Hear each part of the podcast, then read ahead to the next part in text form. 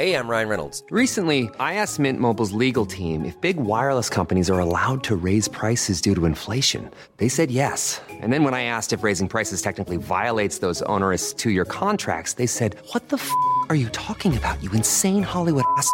F- So to recap, we're cutting the price of Mint Unlimited from $30 a month to just $15 a month. Give it a try at mintmobile.com slash switch. $45 upfront for three months plus taxes and fees. Promo rate for new customers for limited time. Unlimited more than 40 gigabytes per month. Slows. Full terms at mintmobile.com.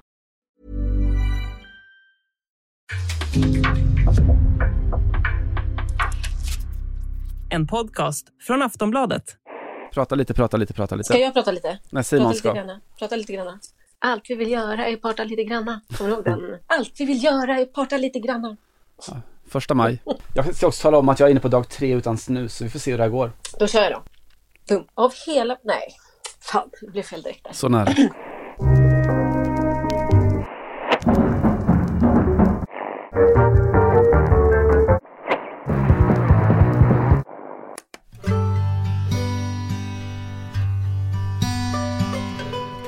Av hela vår soliga värld önskar jag blott en trädgårdssoffa där en katt solar sig. Där skulle jag sitta med ett brev i barmen. Ett enda litet brev. Så ser min dröm ut. Och brevet kommer ju från dig såklart Simon Bank i form av en podd. Dikten kommer från eh, Edith Södergran. Trädgårdssoffan har jag och katten också faktiskt. Och podden Eh, också. Och, och podden har jag, precis. Och ehm, omständigheterna där som är nästan 30-gradiga i Paris. Mm. Nu är det ändå andra halvan av maj så nu har jag gått över till det där stadiet där man tycker att det är ganska fett och det är inte bara eh, oro, oroväckande och alarmerande och ett bud om vad som väntar och så. Man måste väl kunna göra både och, eller? Du måste kunna njuta av det samtidigt, Ja, tänker jag. precis. Men jag, jag ska helt ärligt säga, eh, utan att försöka plocka några så kallade PK-poäng, att när det har kommit sådana här värmeböljor tidigare i ja, mars-april, du vet, så, har det, så tycker jag det börjar kännas mer obehagligt än mysigt. Alltså inte om det blir 15 grader, men du vet när det blir sådana där temperaturer som man känner att ah, det är alla går i t-shirt men inte en knopp har slagit ut liksom. Ja, alltså, vet, ja. de grejerna som känns lite så. Förstår det verkligen. Det är inte Mm. fullt där eh, här än, ska jag säga. Det är Nej. fortfarande ganska, en ganska opålitlig vår och så. Eh, Mm. Så att den, den ångesten duckar man lite för. Den får man på nyheterna istället. Det låter bra tycker jag. Ja, eh, NATO-effekten har inte er- klivit innan. Nej, just det. Just det. Det gick inte så bra för ditt eh, Belgien förresten i Eurovision Song Contest. Nej, apropå Trots- NATO. Nej. Ja, precis. Ja, men exakt apropå NATO. Jag tänkte nu, det nya är väl att vi måste rösta på NATO-länder nu. Mm, ja. ja, just det. Ja. Jag har inte ens tänkt på den bieffekten att det, det är nya allianser, ja. Ja, precis. Mm. Och de är ju, jag menar det är ju, Sverige hade ju ändå röstat på Danmark och Norge och sådär tidigare. Och Finland. Ja. Så att det händer inte så mycket. Men jag tror också att man får vara vaksam på att även liksom de rösterna utöver den allra närmsta eller kretsen måste ju börja gå till andra NATO-länder. Och då tänker jag att eh, Belgien är ju liksom NATO-landet par excellence på något sätt. Mm. Eftersom högkvarteret ligger där och så vidare. Men det hjälpte inte. För dem. Nej, det hjälpte inte. Nej, svaga. Inte de, de kanske också tunnades ut hela, det var väl ännu fler fotbollsspelare som, men jag tror inte, Italien hade väl också någon sån ex-fotbollsspelare som, eller ex-fotbollskille i alla fall som, som uppträdde. Ah. Eh, Så det är väl någon ny, någon ny Kevin Walker-trenden slagit igenom fullt ut ute i Europa. Oj, oj, oj. Han den där nummer åtta, Walker. Vilken kille. Ja, just det. Så han var inte unik längre som, som fotbollsmålvakt. Nej. Då kan det bli eh, Amadeus Sörgård nästa gång då kanske. Just det, just det. Rock med Amadeus. Mm, det vore något. Mm. Eh, det är bara du att kolla på helgen, tänker jag. Du bara kolla på ja, Eurovisionen. Jag, kollade, jag ska säga att jag kollade på den. Jag slog på eh, av en slump, för jag hade glömt bort det lite, när det var mitt i omröstningen. Men då blir man ju rätt fast. Mm. Eh, och då låg Sverige så himla bra till också, så att då, då fastnade jag. Så att jag eh, kan bara slutställningen. Jag kan inte säga så mycket om låtarna tyvärr. Eh, men jag lyssnade på Sveriges låt på Spotify igår för att veta lite vad det handlar om. Och den var, tyckte jag var klatschig. Ja, ja men det hade något. Mm. Eh, Mer besviken på, på Frankrikes eh, bretonska. Eh, De kom jätte eh, sist eller något sånt där va? ja, jättenäst sist var precis som de Mm. blev. Det är alltid en besvikelse. Man tänker att, att Frankrike ska vara någon form av, av schlagerballad liksom. Det här var Mm. inte fullt det. Någon mer techno-bretonskt. ja, då får man ju skylla sig själv. Ja, lite så. De försökte Men- något. Men jag menar, Frankrike som både är NATO-land och har kärnvapen kan man ju tycka att de förtjänar en bättre placering just nu. Mm. Kommer komma. Mm. För fan vad folk släpar efter i sina värderingar. Alltså, de har inte riktigt... Men Ukraina vann då. Ukraina vann, ju- där var de ändå Ja. på't. Där var alla helt, helt med. Mm. Mm.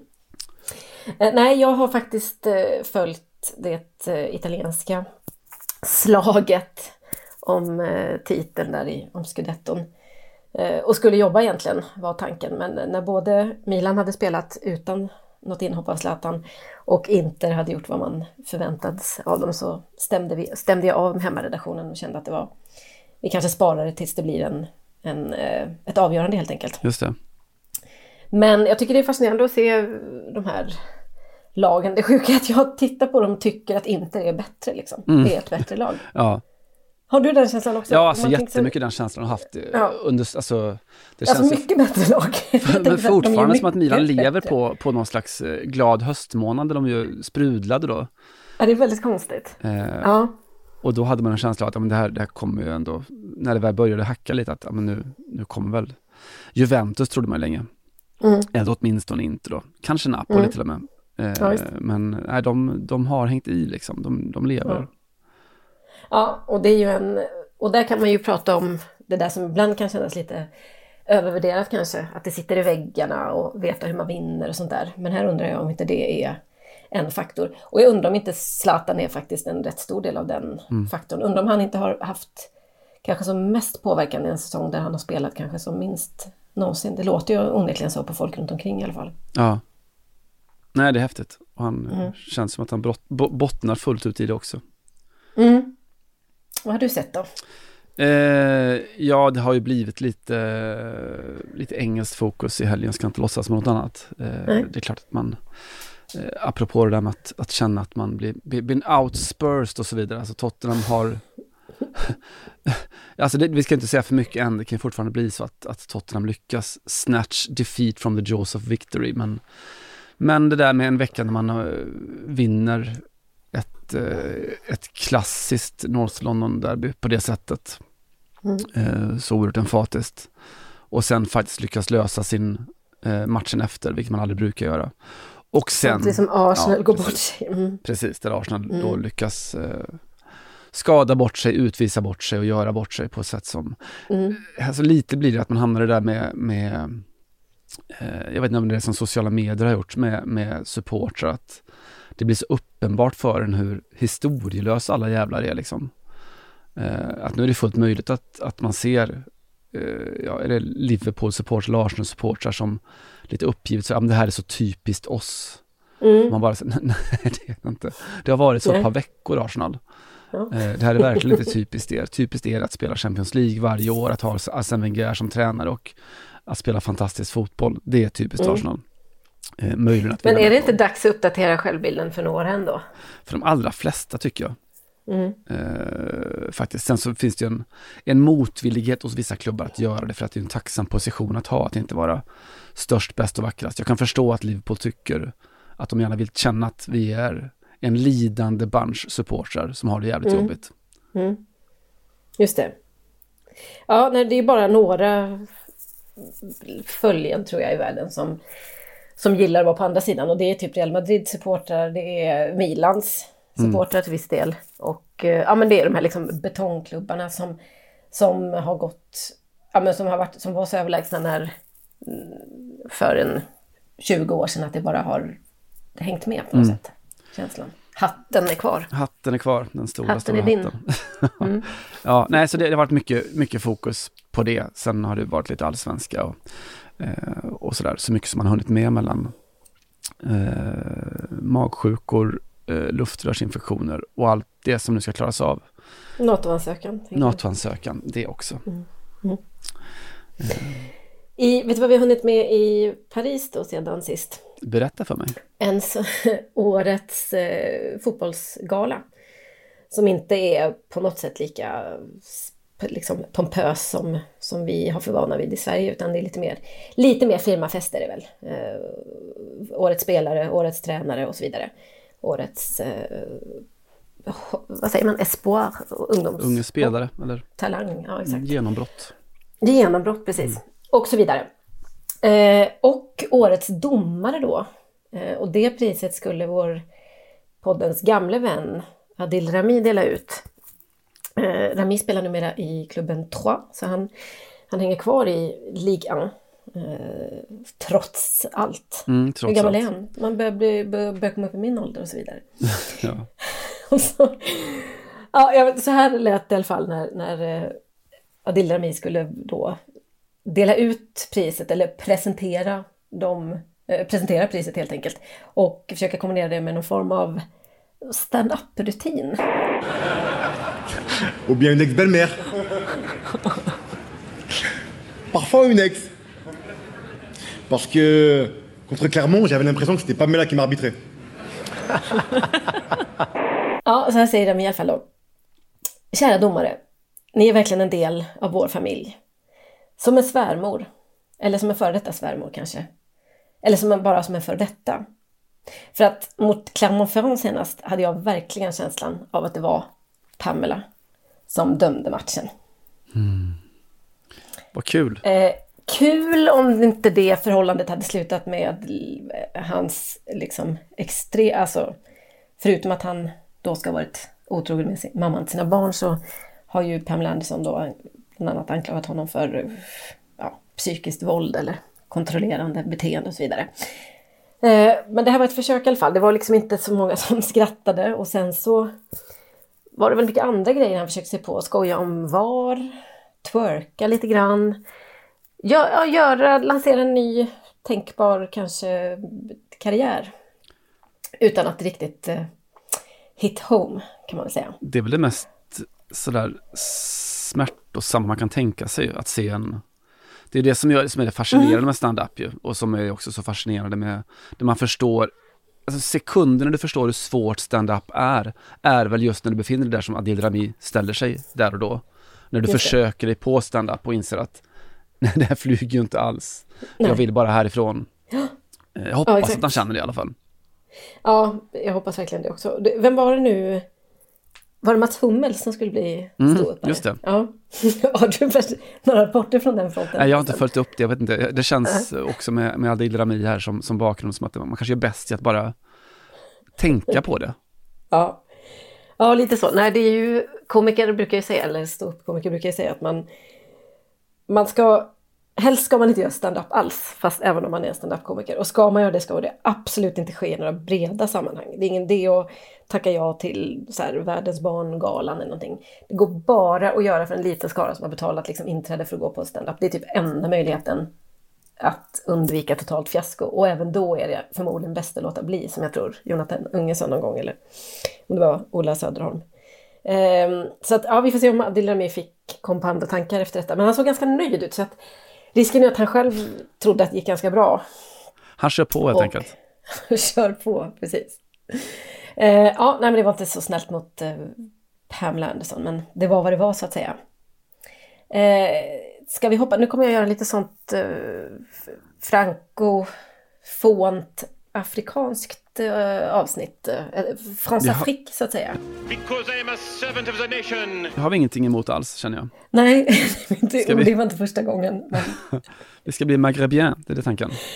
jag tänkte det, vi kommer nog hoppa hela vägen till ännu längre söderut sen. Men vi, om vi börjar med eh, Marocko, eh, vilket ju ändå är första anhalt så att säga, på den, den, den stora franska kontinenten Afrika. Eh, vår andra kontinent. Så hände följande i helgen. Eh, AS FAR Rabat, som är arméns klubb då i Marocko av tradition, och Mogreb Atletico de Tetouan möttes i cupfinalen. Den marockanska cupfinalen då. Rabat vann med 3-0. FAR kanske vi ska kalla dem. Eh, det är sånt som händer, det var väl inte helt oväntat. Vad var det som stack ut då i den här matchen? Jo, den dömdes av Bouchra Karboubi, 34 år gammal kvinna, Mm, Simon. trenden.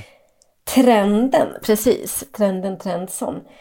Och eh, ett jättegenombrott såklart för eh, ja, marockansk feminism slår jag till mig utan att dra till mig utan att veta om det.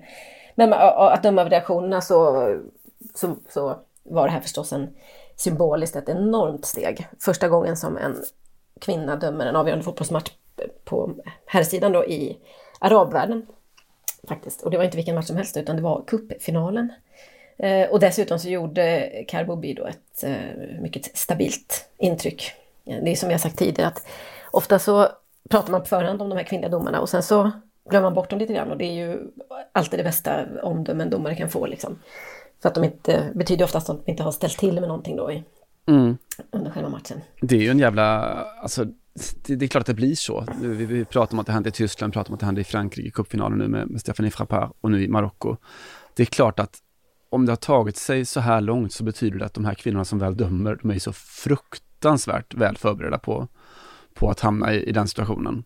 Mm. Eh, ja, precis. För ingen skulle någonsin våga sig på att ta den minsta risk med att komma på en sån sinnessjuk idé som att en kvinna skulle kunna döma man.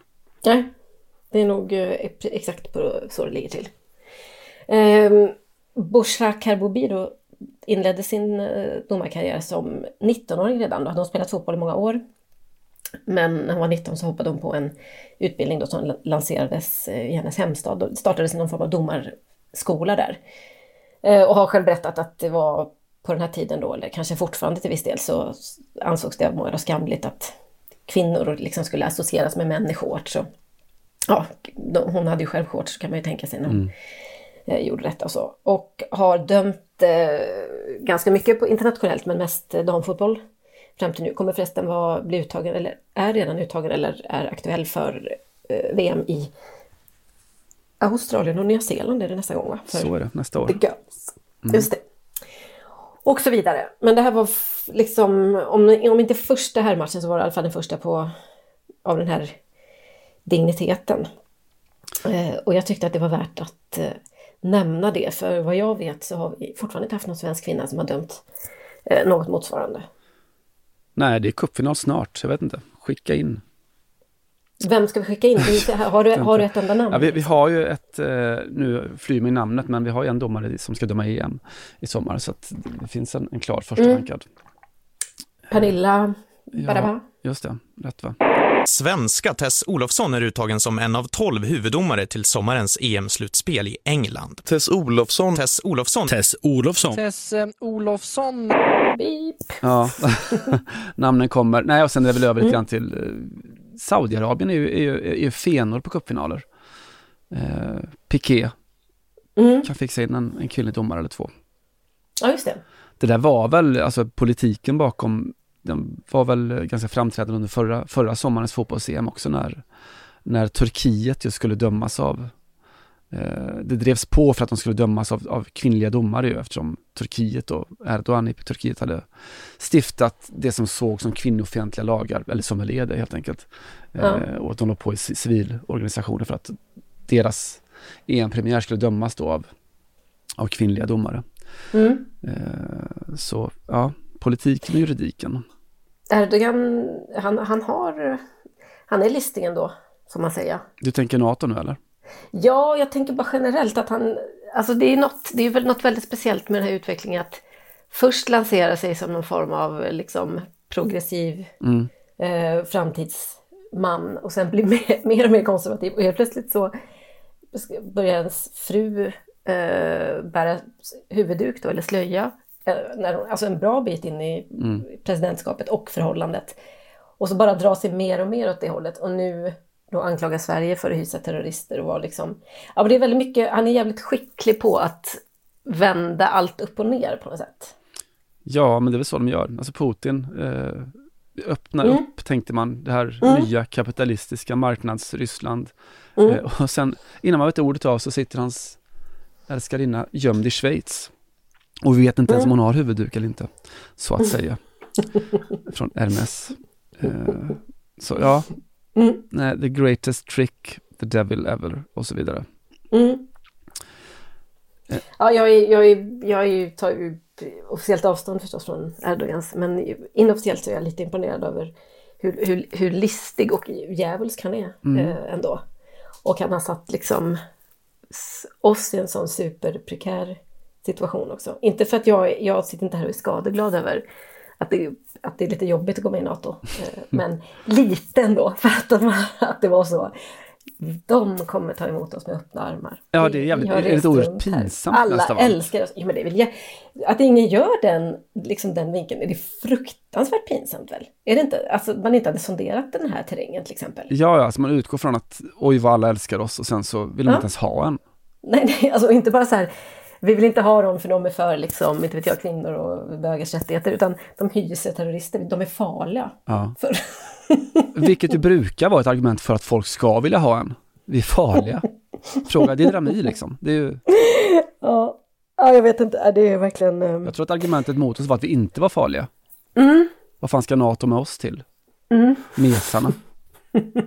vi är stenhårda, vi har till och med terrorister. Släpp in oss nu. Ja, exakt så. Exakt så. Ja, nej, jag, alltså om man ska lägga sina, sina sn- snabba två kronor i någon sorts NATO-debatt så tycker jag, jag har mest varit förundrad över hela, hela den här tanken att, att Sverige har haft en benhård princip i 50 år, att vi, vi, det här med alliansfrihet är någonting vi tror på, det är någonting som gäller, det är något som har tjänat oss väl som man säger. Mm. Tills man nu inser att ja, men principen gällde inte i krigstid. Det var, det som fick den att falla. Nej, nej, men, nej, men om det blir läskigt, inte då! Hej, jag Ryan Reynolds. På Mint Mobile, we like to do the opposite of what Big Wireless does. They charge you a lot, we charge you a little. So naturally, when they announced they'd be raising their prices due to inflation, we decided to deflate our prices due to not hating you. That's right. We're cutting the price of Mint Unlimited from $30 a month to just $15 a month. Give it a try at mintmobile.com slash switch. $45 upfront for three months plus taxes and fees. Promo rate for new customers for limited time. Unlimited more than 40 gigabytes per month. Slows. Full terms at mintmobile.com. Alltså om vi riskerar, eh, om, det, om det sker obehagligheter i vårt närområde, då kan vi inte hålla på och ha de här höga, Nej, självklart sitta på de här inte. höga hä- hästarna. Utan det är ju så länge allt är helt lugnt. Ja, då... Då vill vi inte vara med och gå med i liksom USAs orättfärdiga krig i Irak och Afghanistan och så vidare. Nej, gud nej. Nej, Mm. det är mest fascinerande. Utan att ta ställning i själva sakfrågan så tycker jag att det... Ja, jag har ingen aning om vad du tycker Simon. Nej, Men jag, jag, eh, jag tycker också att det är, det, sen är det något otroligt sossigt över den här processen. Men det kan vi ta en, en annan gång. Det finns andra poddar för sånt. Men eh, ja, hur, hur de liksom bara äger eh, det här scenariot på ett sätt som man blir... Det är ju lite roligt alltså att komma från ett land där sossarna är liksom de riktiga pamparna. Alltså Ja. de riktiga maktspelarna är ett då så lätt vänsterlutande parti. Vilket ju inte är nästan någon annanstans. Men i Sverige är det ju, bo- bossarna är ju liksom det här partiet som kan sitta på hundra stolar samtidigt Mm. och ändå få alla med sig om att gå vinnande i nästan allt på något sätt. Ja, alltså när Kristersson försökte sno den vuxna i rummet det är ju det största sådär strategiska misstaget som någon högerpolitiker någonsin har gjort. För att den vuxna i vårt rum, det är klart att den sosse det har det alltid varit, det kommer det alltid vara. Men Det herregud. handlar inte om beteende, det handlar om att de är vuxna. Politiken måste ta kloka människors frågor på allvar. Den måste inte vara tråkig, men den måste vara seriös. Det behövs några vuxna i rummet i svensk politik just nu. Det var, jag, jag sa det faktiskt till eh, en kompis, vi kan säga en, en källa i Bryssel. Efter att jag hade bevakat det här EU-toppmötet som var i Stoltenberg. för ett tag sedan. Exakt och så sa jag bara till henne om då att fan det är fascinerande ändå. Det var första gången jag träffade, eller vad man ska säga, hade att göra med, med Magdalena Andersson på, på nära håll, eller helt och hållet tror jag. Och så sa jag att det är så otroligt, men jag har ändå träffat flera, liksom, jag har träffat Stefan Löfven och ja, jag har träffat ganska mycket maktsossar i mitt liv ändå. Och att det är så otroligt hur, hur extremt liksom entitled de är. Alltså det är så jävla självklart för dem att de ska vara i makt. Och de pratar på ett sätt, alltså maktspråket är liksom helt Mm. självlysande. Och då sa min, eh, min Bryssel sparringpartner att ja, ja, det är ju en hel, som, som inte är Jens Stoltenberg utan som bevakar eh, svensk EU-politik. ja, det är den här känslan då att de alltid kommer ner efter de kanske har vunnit tillbaks makten och så är det alltid känslan av att så här, ja, ja, men det var ju lite gulligt att Moderaterna hade en plan här för fyra år, men nu har ju vi en plan för hundra år vad Sverige ska ta vägen. It's coming home. Ja, det är, det är verkligen sossarna, alltså det, Magdalena Andersson är ju Sveriges Erdogan. Lite grann är det så. Ja. Eller Putin. Ja, ja, ja, ja, Ulf. Du kan få vara den vuxna i rummet, men kom ihåg, det är mitt rum. Exakt så är det. Ja, det om det. Det om det, ja. eh, Ja, Välkommen skulle- till Sveriges radikalaste fotbollspodd. Jag- tar oss tillbaka in, jag hovar in oss till, eh, till kuppfotbollen då. Ja, det gör du rätt. Eh, och tillbaka, vi pratade ju om eh, franska cupfinalen förra veckan. Jag var lite upprymd om du minns. Mm. Minns det mycket väl. Det var en sån, ja det var framförallt kanske för Antoine Comboires skull. Mm, det var det, men också hela inramningen, hela, hela någons eh, renässans, eh, återuppståndelse, till vägen tillbaka till ljus och så vidare. Vi spelade då bland annat eh, lite publikljud också. Eh, den där sången som någons supportrar sjöng i, i nionde minuten då för att hylla sin för evigt saknade då eh, Emiliano Sala eh, som dog för tre år sedan. Eh, de sjunger alltså C'est un argentin qui ne lâche rien. Du fick översätta till att den argentinare som aldrig ger upp, typ så. Mm. Eh, då tänkte jag att nu är vi klara med det, men den ekade vidare den där sången ett par dagar senare. Nantes vann ju cupfinalen med 1-0 mot Nice. Eh, ett par dagar senare så spelade Nice mot Saint-Étienne hemma på Rivieran och då hörde vi den där ramsan igen. Eh, Nantes ramsa igen, fast då sjungen av Nice supportrar istället eh, och med en annan text.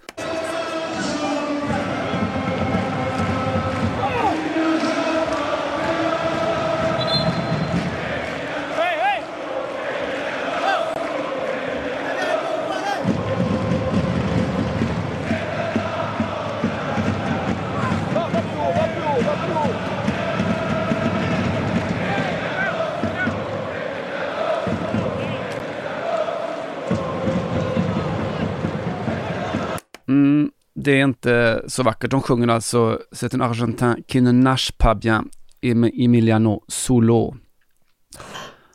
Eh, det är en argentinare som inte simmar bra, Emiliano under vattnet. Eh, sjungit alltså om en, en drunknad hjälte tre år senare.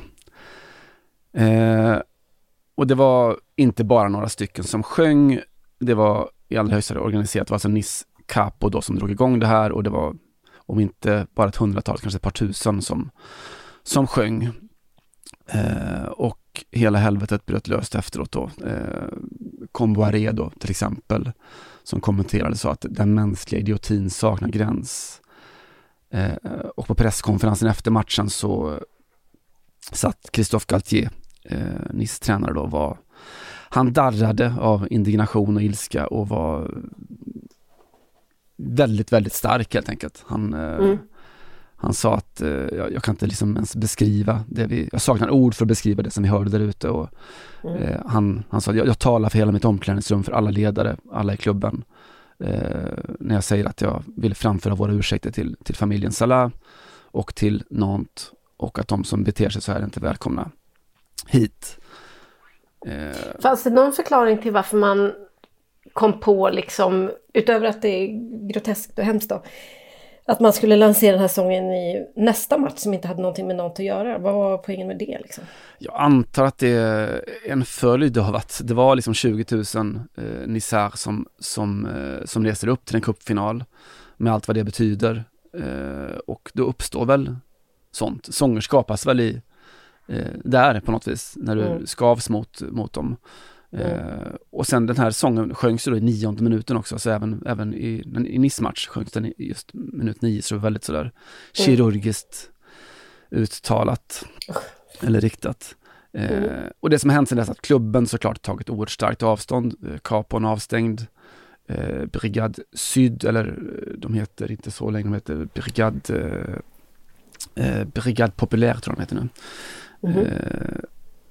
Eh, har då bett om ursäkt lite halvlamt eh, Mm. och det kan mycket väl bli rättsliga påföljder och, och Mm. klubben kan straffas och individerna kan stängas av och så vidare. Men det finns ju någonting spännande i det, eh, alltså utöver då, det är klart att det är svinigt att säga att de, de, vilka jävla svin, vilka dunderidioter, så är det ju frågan om dels varför gör man så här och dels var går egentligen gränsen någonstans? Eh, Mm. För det är inte... Alltså dels, jag, jag läste i Nice Matin, den lokala tidningen i Nice hade en, en stor intervju med en, en sociolog som heter eh, eh Nicolas Orcade som då forskat mycket på, på supporterkultur. Eh, och han hade en jävligt så här, tydlig, enkel analys som jag tycker är, är ja, jag, jag delar den helt enkelt. Då. Han, han pratar om den här, hela den här anarkistiska eh, kulturen som finns då bland de mest engagerade ultras.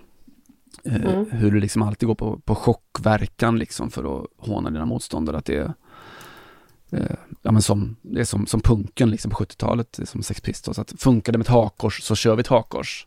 Mm. Just det. Eh, och det här, jag menar jag har varit på Tottenham-matcher, man sjunger om, om Chelseas eh, Matthew Harding som dog i en helikopterkrasch. Man sjöng att Poor Matthew Harding should have took the train.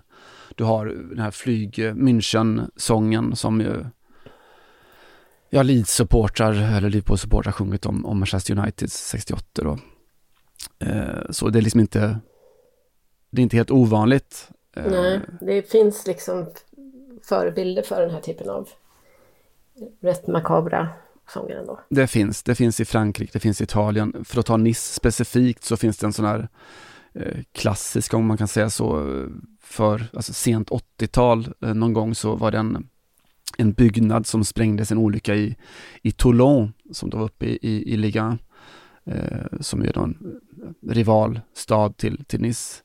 Eh, 13 människor dog eh, och matchen efter så hade då just Brigade Syd på den tiden de fortfarande fanns. En banderoll där det stod Toulon 13 döda. Tack byggnaden. Eh, Ja. Så det här finns liksom, men vad, varför blir det här så stort och så starkt nu? Liksom, vad är den stora skillnaden nu? Eh, och det som Orkad säger, som jag då tror, är ju att det det handlar om är att en kultur krockar så uppenbart med en annan kultur. Mm. Att det liksom är en sak att Ultras håller på så här i, i sin miljö. Där kan det funka så för att där inser alla, alla är införstådda med, nu låter man som en Hanif Bali i princip, men att där förstår man, i den här communityn så förstår man att eh, döda din mamma betyder inte döda din mamma, det betyder något annat egentligen och så vidare. Mm, det, I hans lilla community på 150 000 Twitter. Exakt så, precis Mm. så. Eh, I communityn riksdagen eller? Communityn Moderaterna. det där är ju exakt det är där det faller någonstans. Eh, att man kan tycka att alla fattar om att det som, det som Niss ville göra här, deras supportrar ville göra var inte att håna en, en sörjande familj, utan det var att de ville spela någon slags spel mot, mot någons supportrar. Mm. Problemet, det vi kan kalla Hanif Bali-problemet, är ju att alla kunde se Ja. och höra det här i en det. tid när allting syns och allting hörs. Det är liksom 30 000 på matchen, det är ett par miljoner som kan se det på tv, det är liksom en miljard som sen några sekunder senare kan se det på internet. Eh, och att man till och med kan utgå från att Emiliano Solas familj tar del av det här. Eh, Nej men precis. Det är, väl, alltså, det är ju lite det här, vi har ju pratat om det tidigare att hade folk sett kanske din och min sms-tråd till exempel så hade Mm. ju vi inte haft jobbet kvar. Och det kanske är, om jag nu ska vara extremt transparent, en sån här grej som du och jag med liksom under hundra lager av ironi och lek med avsändare Mm. och eh, driva med idioter skulle kunna skriva till varandra. Eh, vilket givetvis är, är alltså precis så som folk uttrycker sig i, för att det är det, är det här liksom, det är kittlande att bryta tabun, Mm. det är liksom roligt att härma med idioter och sådär, men man gör det i ett stängt community eller vad man fan vi ska kalla det nu då, för att man inte, för att man vet någonstans att det, ja, det här är inte till för allmänhetens ögon. nej, det är du och det är jag och det är kineserna som ser det och man är trygg i det. Eh, Jag är otroligt trygg i det. det, här, det här är något annat. Nej men det är ju, det är ju just, precis, jag tror att det är exakt det du säger. Och skillnaden är väl liksom var, var ser man, hur mycket respekt har du för, alltså vad tycker du att du själv kan styra var rummet är någonstans? Här tyckte bevisligen eh, Niss eh, brigad att, att ja, men det, vi skiter lite i att alla ser oss, vi gör det ändå. Mm. Eh, och man ska veta, liksom, vilket de såklart vet, att Salah dör 2019, ett par veckor senare så, så drabbas hans pappa av en hjärtattack och dör. Eh, ytterligare några månader senare så försöker hans syster då ta livet av sig, men överlever. Det är alltså oerhört, ett oerhört mörker som de liksom eh, på något vis leker mig då i sin, sin vidriga jävla lek då. Mm. Eh, och jag känner igen det här resonemanget i, i liksom, man pratar supporterkultur med väldigt många andra, att de, de liksom fördöms då utifrån och ovanifrån upplever de eh, och tycker att ja, det kanske finns en poäng i den kritiken, men de flesta tycker också att gå inte in och pilla i vår kultur, för den är, den är vi som styr, det är vi som bestämmer. Eh. Det är ju lite som, om jag får dra en parallell som inte alls är av samma dignitet men som ju blev föremål för eh, faktiskt en yttrandefrihetsdebatten i Storbritannien för några år sedan så var det ju när eh, men det var Chelseas egna supportrar eller som sjöng att om Lukaku, he's our Belgian mm, scoring genius, he's got a 24 inch penis. Och att förutom då att det är en extremt rasistisk eh, stereotyp så är det, alltså det krockar med det faktum att det var ett, eh, kan man tänka då, roligt skämt eller fyn- en fyndighet och någon form av hyllning till en egen Mm. eh, spelare och att det, att det blir alltså en otro, alltså det, det, det, det, är, det är kanske lite lättare att förhålla sig till då, även om det är, finns väldigt, en väldigt tydlig liksom, rasistisk eller stereotypisk, eh, i alla fall stereotyp bild inblandat så, så, kan man, så kanske det det, är, det är lättare att förstå i alla fall att, det, att man kan ha olika åsikter om, om det. När det handlar om att håna någon som är död och en familj som har lidit så är det ju bara eh, ja, ondska låter lite metafysiskt men du fattar vad jag menar. Det, då, är det, då går det ju inte att tycka på något annat sätt. Romelu Lukaku-sången gick ju faktiskt och flina lite åt, eller jag menar, det är typ en sån grej som jag flinar åt fast jag kanske önskar att jag inte gjorde det om du förstår vad jag menar. Ja. Nej, det, är, det finns någonting i det. Och jag, alltså om man ska landa i någon slags sån slutsats så, men jag kan förstå också Ultras-communityn, om det är Sverige eller Frankrike, vad som helst, att man tycker att sluta ge er in, sluta pilla. Eh, jag tycker att de har väldigt rätt i väldigt stor del. För att jag tycker att en av de roligaste bilder jag vet som jag upplever till vardags på allsvenska matcher är bilden av hur matchkontrollanten utsänd från förbundet då, eller från SEF möjligen, eh, som sitter då, inte sällan kanske i 75-årsåldern och plockar upp med darrande händer sin mobiltelefon för att fippla fram fotoappen och ta en bild utöver när det bränns bengaler på ståplats. Mm. Och just ve- vetskapen om vilka världar det är som kolliderar genom det där darrande pekfingret. Han förstår Mm. ju ingenting av vad de sysslar med där borta Nej. såklart. Eh, nej men problemet tycker jag är, alltså var går gränsen någonstans? För mig så är det så här, ja jag tycker inte heller att jag köper argumentet att man ska inte ge sig in i ultrasvärlden, i supporterkulturen och pilla. Problemet här är ju att det är de som ger sig in i alla andras värld. Det är de som ger sig in i Emilia- Emiliano Salas familjs värld på samma sätt som när du kastar en banger och den landar vid en fotograf som hände nu nere i Göteborg. Så är det Mm. supporterkulturen som ger sig in i fotografens värld och Mm. pillar och påverkar och förstör och kränker. Eh, så där går gränsen fullt ut. Mm. Ja, nej men det är väl väldigt sällan som de här ifrågasatta ramsorna handlar om något där de inte ger sig in i någon annans, någon annans värld eller någon annans sfär. Det är ju klart att det ofta handlar om att såra eller driva eller vad du vill. Men då kan vi ju återigen, om vi går tillbaka till stand-up, så är det intressant för då jobbar man ju exakt med de här liksom chock... Mm. Alltså folk skrattar ju när de blir chockade Mm. över att någon drar ett skämt om, eh, ja, inte vet jag, sex eller förintelsen eller eh, vad du vill liksom. Alltså att man, man, man blir eh, man blir så chockad. Det är liksom, det- man reagerar på många plan samtidigt och, så, och det blir roligt liksom. Det är roligt att bryta tabun eller roligt, om det görs på ett bra sätt så kan det bli roligt. Eh, helt enkelt. Det är lite grunden till, alla kan inte vara Jerry Seinfeld helt enkelt. Nej. Nej, gud nej. Eh, Idag när jag stod i tvättom- på tvättomaten kom jag att tänka på vidare. Det kan ju också vara bra, men det måste ju också få finnas ja, annat. det kan också vara väldigt, väldigt dåligt. Ja. ja. Nej, det behöver inte vara ett sommarprogram, eh, fotbollsläktarna, men de kanske ska hålla sig till, jag vet inte, någon slags respekt i alla fall. Grundläggande, mänsklig. Eh, vill de bli För behandlade mig- som människor För mig i det grunden också. det handlar om och så vidare. Du, det här är faktiskt ett ganska bra steg in till eh, ett annat aktualitetsämne. Nu har jag ju förvarnat er att det blir mycket Frankrike. Och det vill sig inte bättre eh, än att eh, PSG mötte Montpellier i lördags på bortaplan. Och eh, skulle fira den internationella dagen för kamp mot homofobi, vill jag översätta det. Vet du om det finns något svenskt? Ja, det måste det ju finnas. Eller sexuella minoriteters dag eller något sånt där.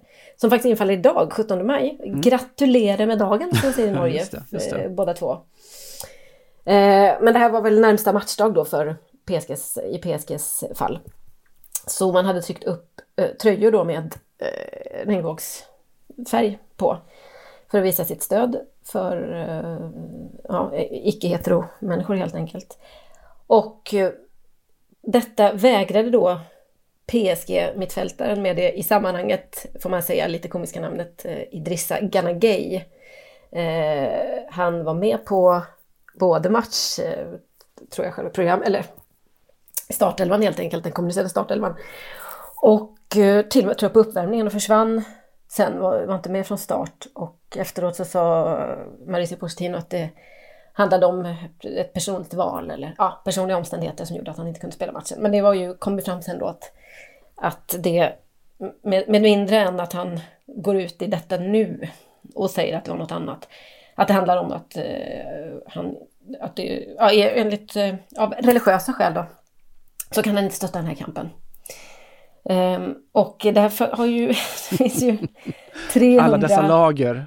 Ja, det finns ju så många lager. Ska vi börja med vilka som äger PSG, så vi bara får det, det. ur världen. Och vad man får göra det i Qatar då. Hur mycket man får böga i Qatar. Man får inte böga någonting där. Klar böggräns Qatar då. Ja, det är så otroligt. Ja, och on a more serious note så uh, vet ni att det är en stor del av debatten om VM i Qatar och inte bara uh, gästarbetarnas villkor och omständigheter utan också till exempel att en sån som Lotta Schelin har gått ut och sagt att jag vet inte om jag vågar åka dit i egenskap av expert eh, med fru och barn. Hade ju granskats i veckan också av, eh, av public service i Norge, Danmark, Finland var det eller Norge, Danmark, Sverige så att säga.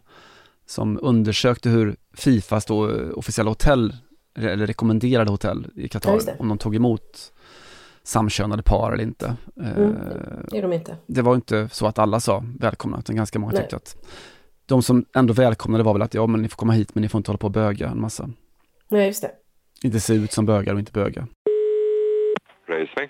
Ja, tjena på Raceway Motortillbehör. Ja. Hej, Gunnar Lönning heter jag. Jag ringer från projektet Våga Böga. Vi jobbar på omvända heterosexuella. Tänkte bara om det är okej okay om vi skickar över en kille till er idag på förmiddagen. Ja. Behöver inte göra någonting med honom, med om det inte tänder sådär, utan eh, han bara går runt lite och så, så kan ni skicka hem honom om ni tycker han blir för gå på er va.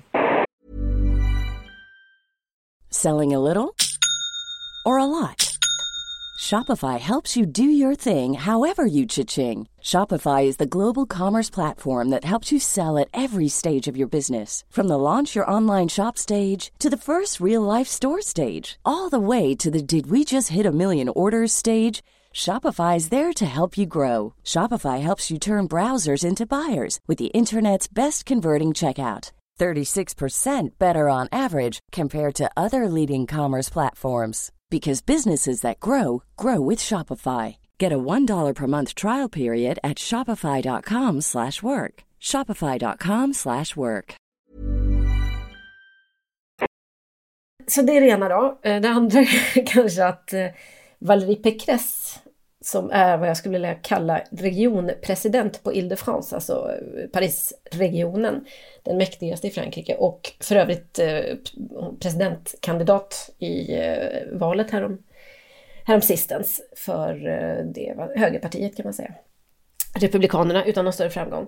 Hon har återinträtt i sin, i sin roll som regionpresident och uttalade sig i den kapaciteten då om det hela och sa att eh, det här är inte acceptabelt. Eh, Idrissa Gay måste straffas på mm. något sätt. Um, och det, kan man, det här kan man tycka mycket om och vi kan prata lite om det Simon. Det är lite roliga i kråksången eller knasiga för hennes del var ju att det kom fram att eh, för mindre än tio år sedan när Frankrike legaliserade samkönade äktenskap så tillhörde hon nej-sidan. Oh, och manifesterade och demonstrerade för, för den, i det som hette då Manifpotus. Själva liksom grundutgångs, eh, vad ska man säga, själva grundkampanjen hette Mariage Potus då, alla ska förgifta sig. Och motrörelsen hette då eh, Manif alltså manif, manifestation för alla. Där man motsatte sig detta. Eh, tio, nio år sedan, 2013, jag kommer ihåg för jag bevakade det här ganska så noga. Eh, men eh, ja, det är tydligen skillnad på att vara för, vara emot gayäktenskap men tycka att någon som vägrar att bära en regnbågströja eh, ska straffas ekonomiskt eh, nio år senare. Nu kan vi komma till kanske då det som jag tänkte är lite dagens debattämne, nämligen är vad, vad gör man i de här lägena? Och jag har inte någon jätte liksom, tydlig åsikt i det, i det hela. Mer än att jag tycker att, förutom allt hyckleri då, som finns både från klubbens sida och från flera av de som har fördömt dettas mm. sida, så är det kanske inte ett så jävla stort stöd att få eh, som, som eh, ja, i kampen då.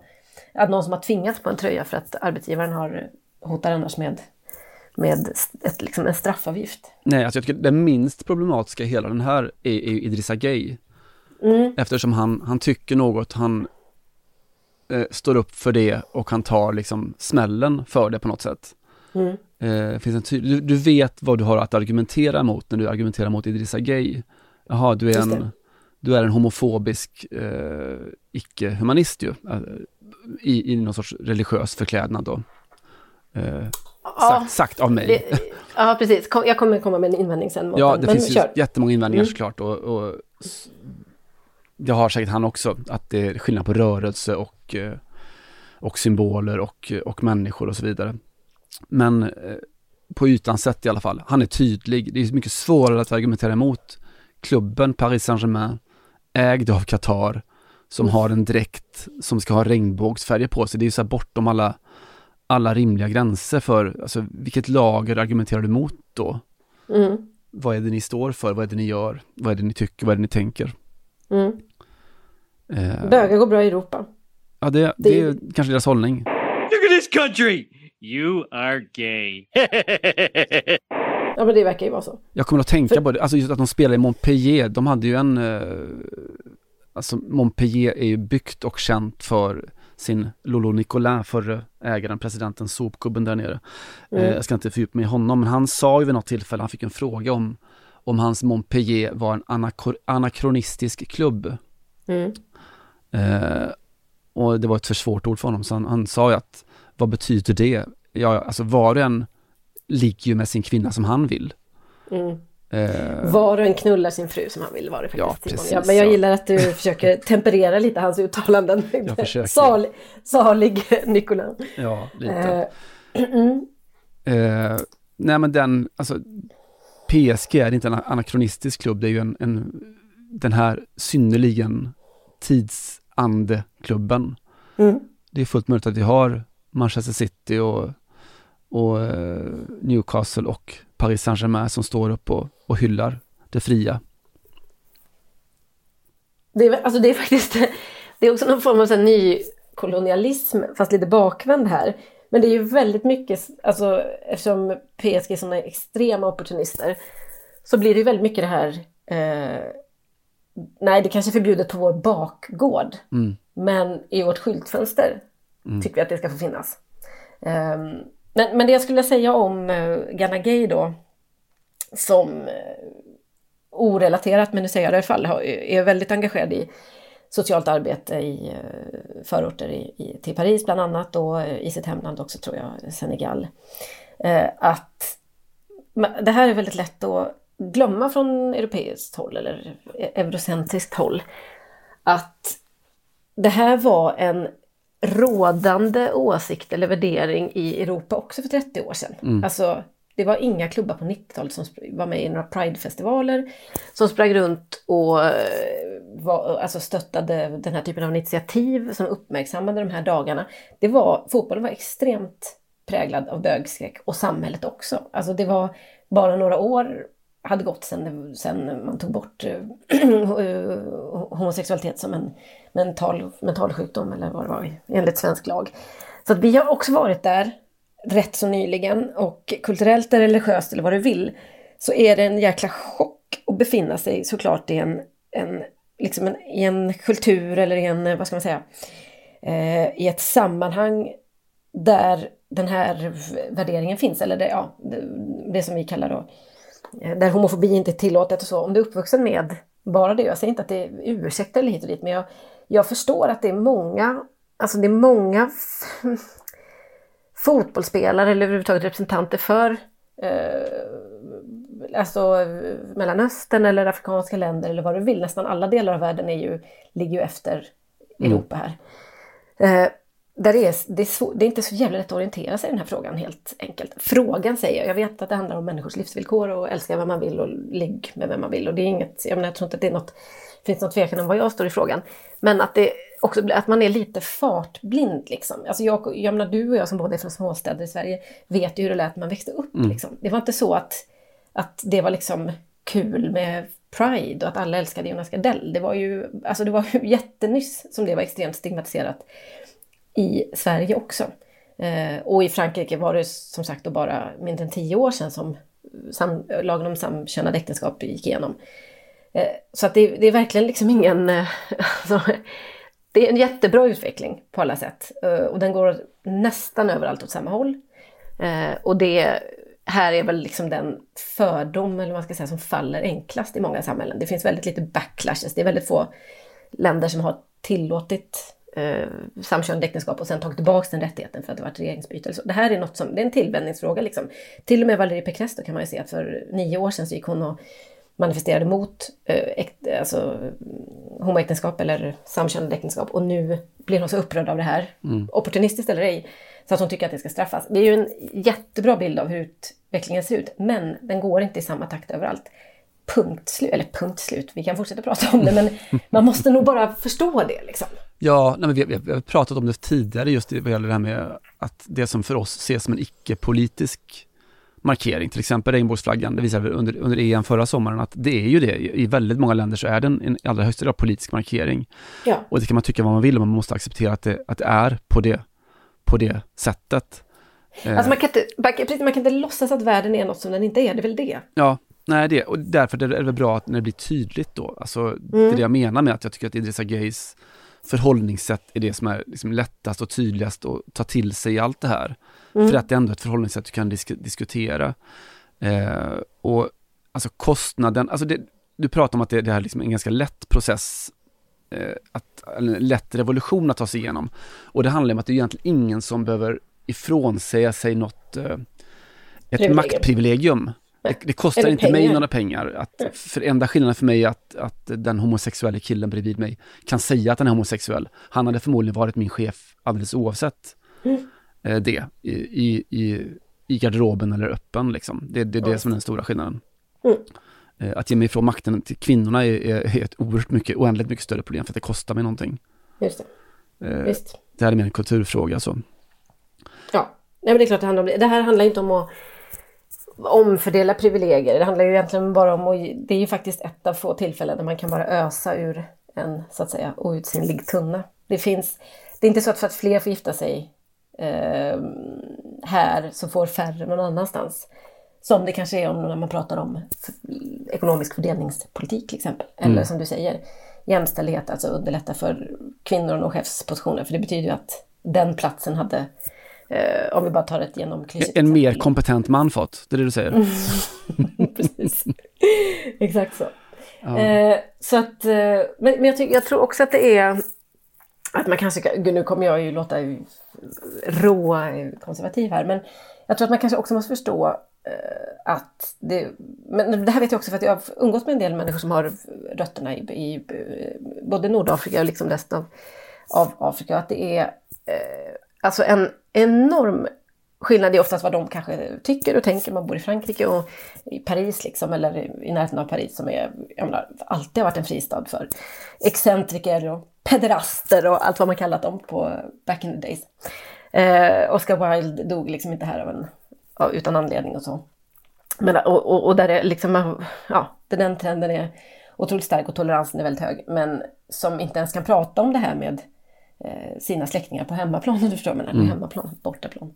Eh, för att det är en, en sån, alltså det är en fråga om synd och skam och nästan, alltså, liksom en, en jätte, jätteladdad fråga. Eh, och att det går, att det är väldigt svårt att befinna sig på, eh, på alltså man kan liksom till och med då kanske bli utfryst i en uh, landslagsmiljö. Nu spekulerar jag lite, mm. men man skulle kunna tänka sig om man tar, skulle ta den här debatten. Eller skulle ta ja, striden på något sätt eller Ja, så är det. Och det, jag tycker inte att det är inte jättelätt att förhålla sig till, eller jag tycker att det är lätt, jag tycker att det, det alltid är bra. Alltså regnbågsflaggorna, allt det här eh, som kommer från något slags sånt offentligt håll, kollektivt håll, samtidigt som man vet att i omklädningsrummen ser det ut på ett annat sätt. Det, mm. Men det, det, visst, det går att se det som ett hyckleri då. Visst, den här jävla fotbollsvärlden som inte, där det knappt finns en, en, en homosexuell spelare, men de ska liksom Nej. gå med sina regnbågsarmband. En, en ny. Det finns säga vad han heter utan att, utan att blanda ihop det med ett spritmärke. Kan du säga vad han heter? Jack Daniels. Nej, Jake. Jag vet. eh, omöjligt va?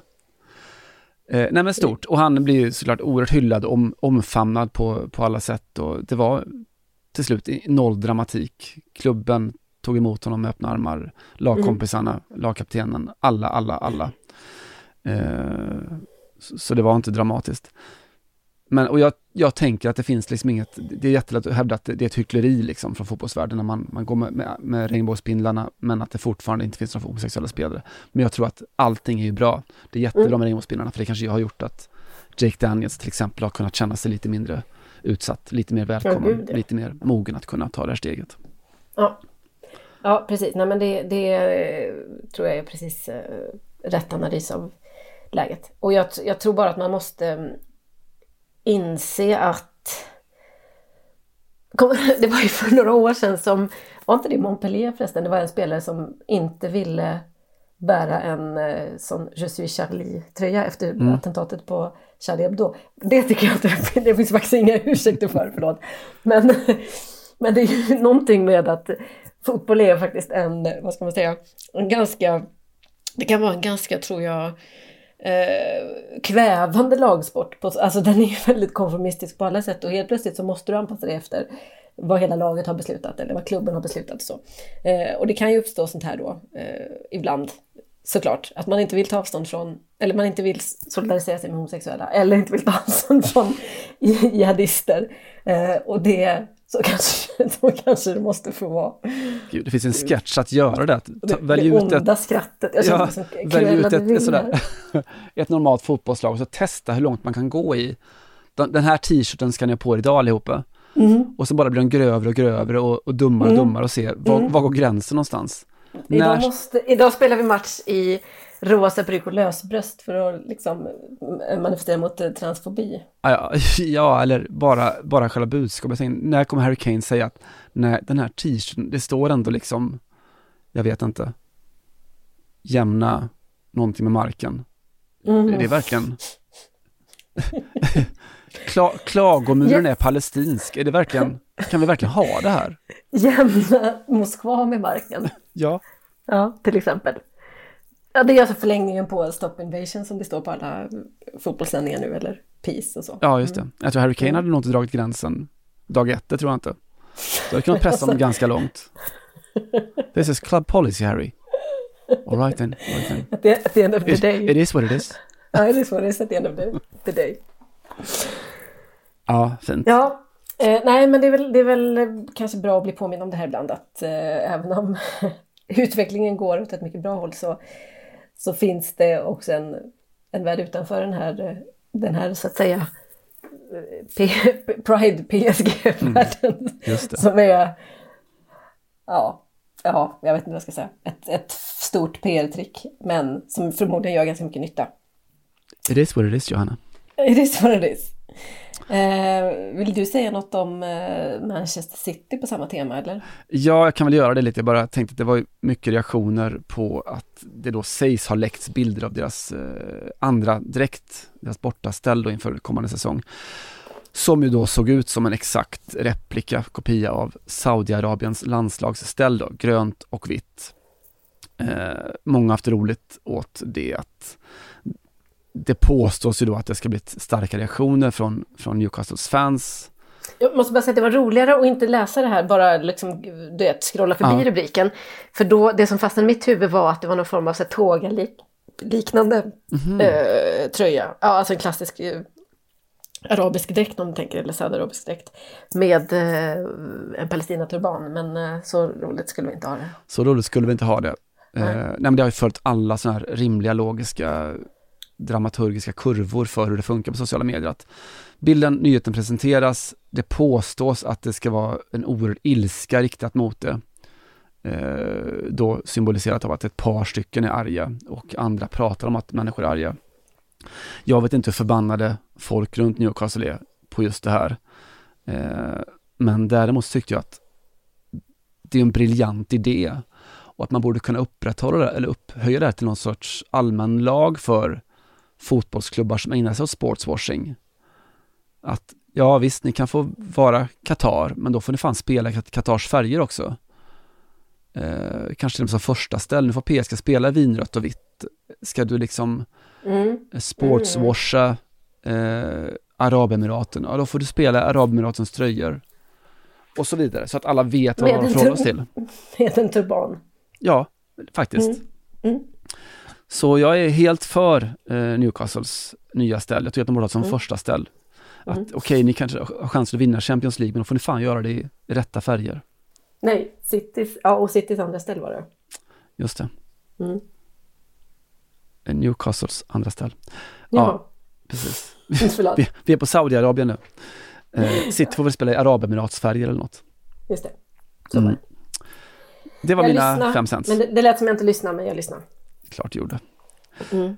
Eh, ja, hur ligger vi till här med vår, vår tidshållning? Har vi lite tid för att prata lite annat kanske vi har? Ja, tio minuter kvar ungefär, så det är ingen, det är ingen som börjat bråka än, så det är bara så här. Julia Karlsson säger att vi har tio minuter, då tar jag ja. tre av dem eller så. Fint att få in henne i, på band. Mm, äntligen, där är hon. Mm. Eh, jo, en, en, sak som jag faktiskt tänkt på på veckor, eh, besläktat då, lämpligt nog med det här som vi pratar om, vad, vad man får och inte får säga på en fotbollsläktare. Mm. Eh, kanske också besläktat med Idrissa Gueye, jag vet inte. Eh, för vi pratade en veckan om Champions League kvartsfinaler var det väl, mötena mellan, eh, mellan Barcelona och Real Madrid. Eh, kvinnoklassikot mm -hmm. med 90 000 på Camp Nou. Just det. Eh, grejen är att jag, jag, läste en text efter de matcherna från, eh, av Sophie Lawson som var där då, en, en sån profilerad damfotbollsskribent som skrivit för Guardian och ESPN och så. Eh, ja, en, en damfotbollsröst helt enkelt, en auktoritet på området. Hon var på Camp Nou och tyckte det var häftigt som alla andra tyckte, men hon reagerade också, som hon sa, nästan fysiskt på en annan sak. Eh, nämligen att det fanns hat på Camp Nou. Det fanns hat på läktarna. Eh, mm. att det liksom var tiotusentals som buade åt Real Madrid, som eh, vräkte ut sitt förakt mot Real Madrid. Eh, och vad då, då tänker man? Jo, då väcker hon frågan så här, måste verkligen kvinnors fotboll bli precis på samma sätt? Alltså måste supporterkulturen runt den bli precis likadan som den på här sidan? Eh, och det, måste man börja hata varandra? Precis. Måste, är det vägen framåt? Exakt. Och det låter ju väldigt sådär... Eh, jag förstår att det är en, en, en, debatt och en diskussion som är som gjord för att bli utdömd som någon blödig, tönt hem och skola-liberal liksom. Mm. Som inte fattar vad fotboll är. Men jag tycker att den, den förtjänar mer, den förtjänar större allvar än så. Eh, jag var faktiskt på mitt första och tror jag kanske enda damklassiker för några år sedan. Ja, det var då när, när eh, Real Madrid hade, eller ja, de hade blivit, det var Tacon fortfarande mm, tror jag faktiskt. Och då på den här um, Johan Cruyff-arenan där utanför tränings, eller på träningsanläggningen så var ju de katalanska journalisterna, var, jag satt bredvid en som skriver för Mondo Deportivo, som var i princip lika hatisk som han hade varit eh, på ett eh, herrklassiko. Nu mm. kommer ju dimensionen att journalisterna är väldigt partiska i Spanien. Men det var fascinerande att se. Då tyckte jag faktiskt att det var lite uppiggande. Men jag är ändå intresserad av Eh, hur du vill argumentera mot att det är fel väg att, att gå. För att jag är inte säker på att jag tycker att man måste bli liksom de världens eh, antagonister eller starta krig i alla fall. Nej, jag är inte heller helt säker på exakt var jag står, men jag tycker att det är en sån, eh, alltså Sofie Lawson argumenterar på ett skickligt sätt. Hon pratar om, om vad är liksom, vad, vad har damfotbollen varit, dess, dess kärnvärden på något sätt. Hon pratar om just det, det inkluderande eh, värdet som har funnits, alltså att den, det finns en supporterkultur eh, kring kvinnors fotboll eh, som har liksom varit mer, mer familjär, mer mjuk, mer välkomnande, mindre hatisk, mindre eh, aggressiv på alla sätt. Mm. Eh, och visst, det är lätt att man, man pratar om det så hamnar man att du definierar kvinnor som något slags annat, ett annat djur och det är inte riktigt, riktigt poängen. Det är bara att om man tittar kallt på det, så här ser kulturen ut på kring damers fotboll. Eh, så här ser kulturen ut kring herrars fotboll vilka bitar vill man ha, vilka vill man inte ha? Eh, det finns, hon citerar också i en, en, en sån här intervju med eh, Lia Velti, alltså Schweiz eh, landslagskapten eh, och Arsenal också, som säger att eh, hon, hon hoppas liksom att, att fler kommer fortsätta kämpa för damfotbollen, att det rör sig i rätt riktning. Men jag hoppas att den inte når samma nivå som herrars fotboll. Mm. Eh, för att damfotbollen har någonting speciellt, någonting eget som är originellt och som borde skyddas. Mm. Eh, bland annat då liksom relationen till supportrarna som är mer personlig, en mer familjär eh, atmosfär och miljö. Jag vill att mm. kvinnors fotboll ska fortsätta vara på det sättet. Mm. Eh, och det är väl relevant? Mm. Jag, jag, tycker också man, man slås ofta av det när man är på damfotbollsmatcher. Även om det är mycket publik då till exempel som det var på PSG Lyon härom eh, veckan som jag var på i Champions League. Att det är, eh, jag vet inte om det är en mjukare inramning, men det är, mycket mer barn till exempel, det är mycket yngre publik. Eh, det är mycket mindre kapitalstark publik. Det är faktiskt mycket mer eh, på sikt, eller i alla fall som, som det ser ut nu jämfört med här sidan, ett mer folkligt nöje, i alla fall potentialen att bli det. Eftersom det inte kostar eh, i närheten av lika mycket pengar att lösa en biljett. Ofta kostar kostar kanske ingenting eller 5 mm. euro eller något sånt där. Eh, nu experimenterade ju PSG lite och tog eh, betalt rejält, det vill att ta i, men de tog ändå eh, någorlunda eh, biljettavgifter just för den matchen för att se om det skulle bära sig och det gjorde det då. Eh, det var Lyon ändå på andra sidan. Men det, det är liksom, de fotbollen är så att säga väldigt långt ifrån att bli ett eh, överklassnöje eller någon form av exklusiv, um, ja, mm. inte vet jag, rikemans eh, publiksport. Och det, ja, till och med på högsta nivå då, och det är väl eh, väldigt värt att slå vakt om på något sätt. Det behöver inte det ena betyda att det andra inte finns. Nej. Men att det kanske ändå kan vara en sorts... Um, ja, det kanske, det kanske finns en poäng med att ha en en, en bild, en målbild att man ska vara no någonting lite annat än herrfotbollen. Jag tror det och det kommer ju byggas, alltså organiska rivaliteter och byggs ju såklart för fullt men det är väl också en, en av sidorna med att du nu har, uh, åker liksom, att du hoppar upp på herrfotbollsryggen med de stora herrklubbarna som då tar in uh, jag menar det är inte så att, att, uh, att Barcelona och Real Madrid är för att de hatar Real Madrids kvinnor som spelar fotboll utan det är ju det är en klubbrivalitet som är hundra år gammal såklart. Mm. Eh, och sund. Och sund, absolut. Mm. Och politisk och, och begriplig och förståelig.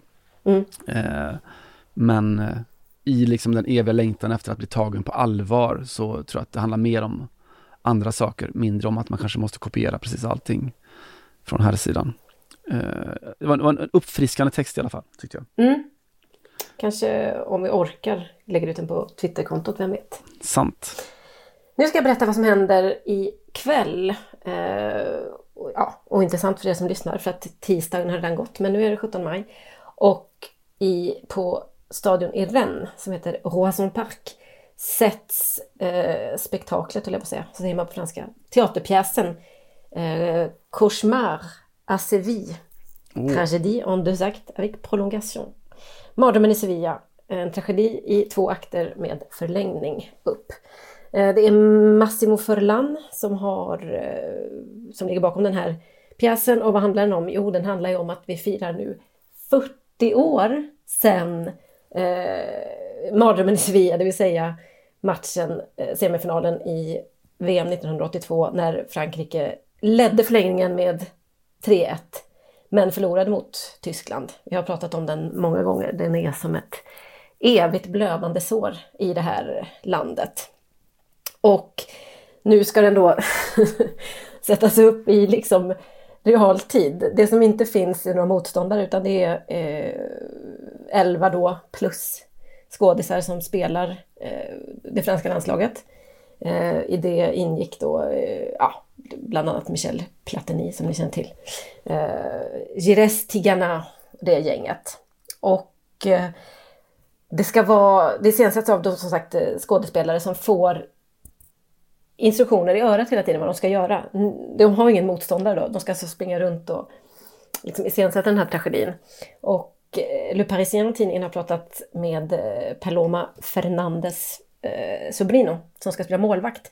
Som ska spela Jean-Luc Ettori då, som var, som var målvakt i den här matchen. Och de eh, pratar med varandra inför den här eh, matchen då i intervjun i Le Parisien.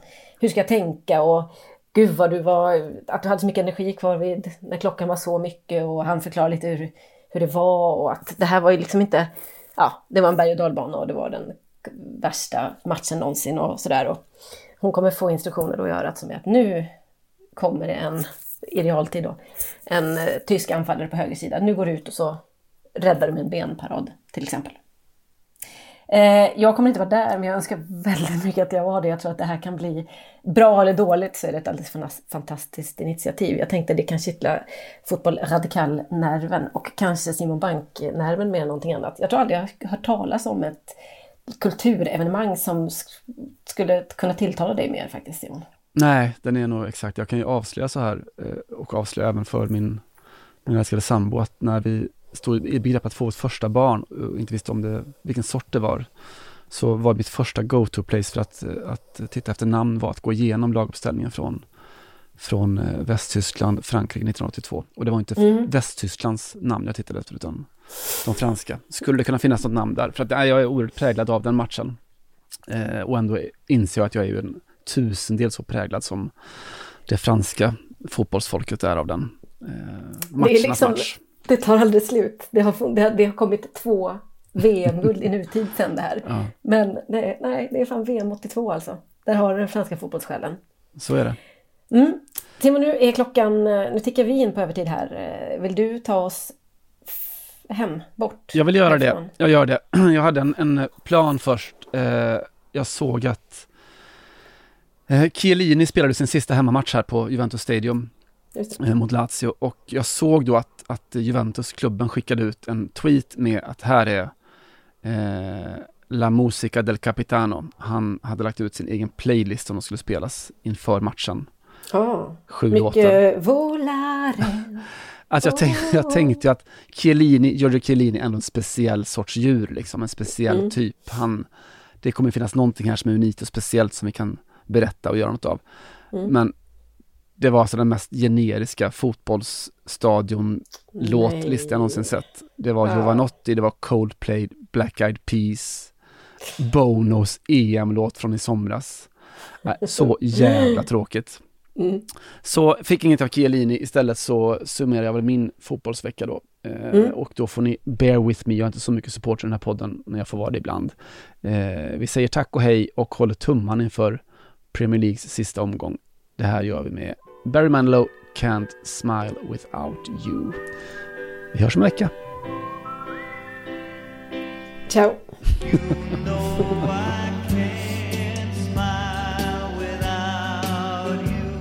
Du har lyssnat på en podcast från Aftonbladet.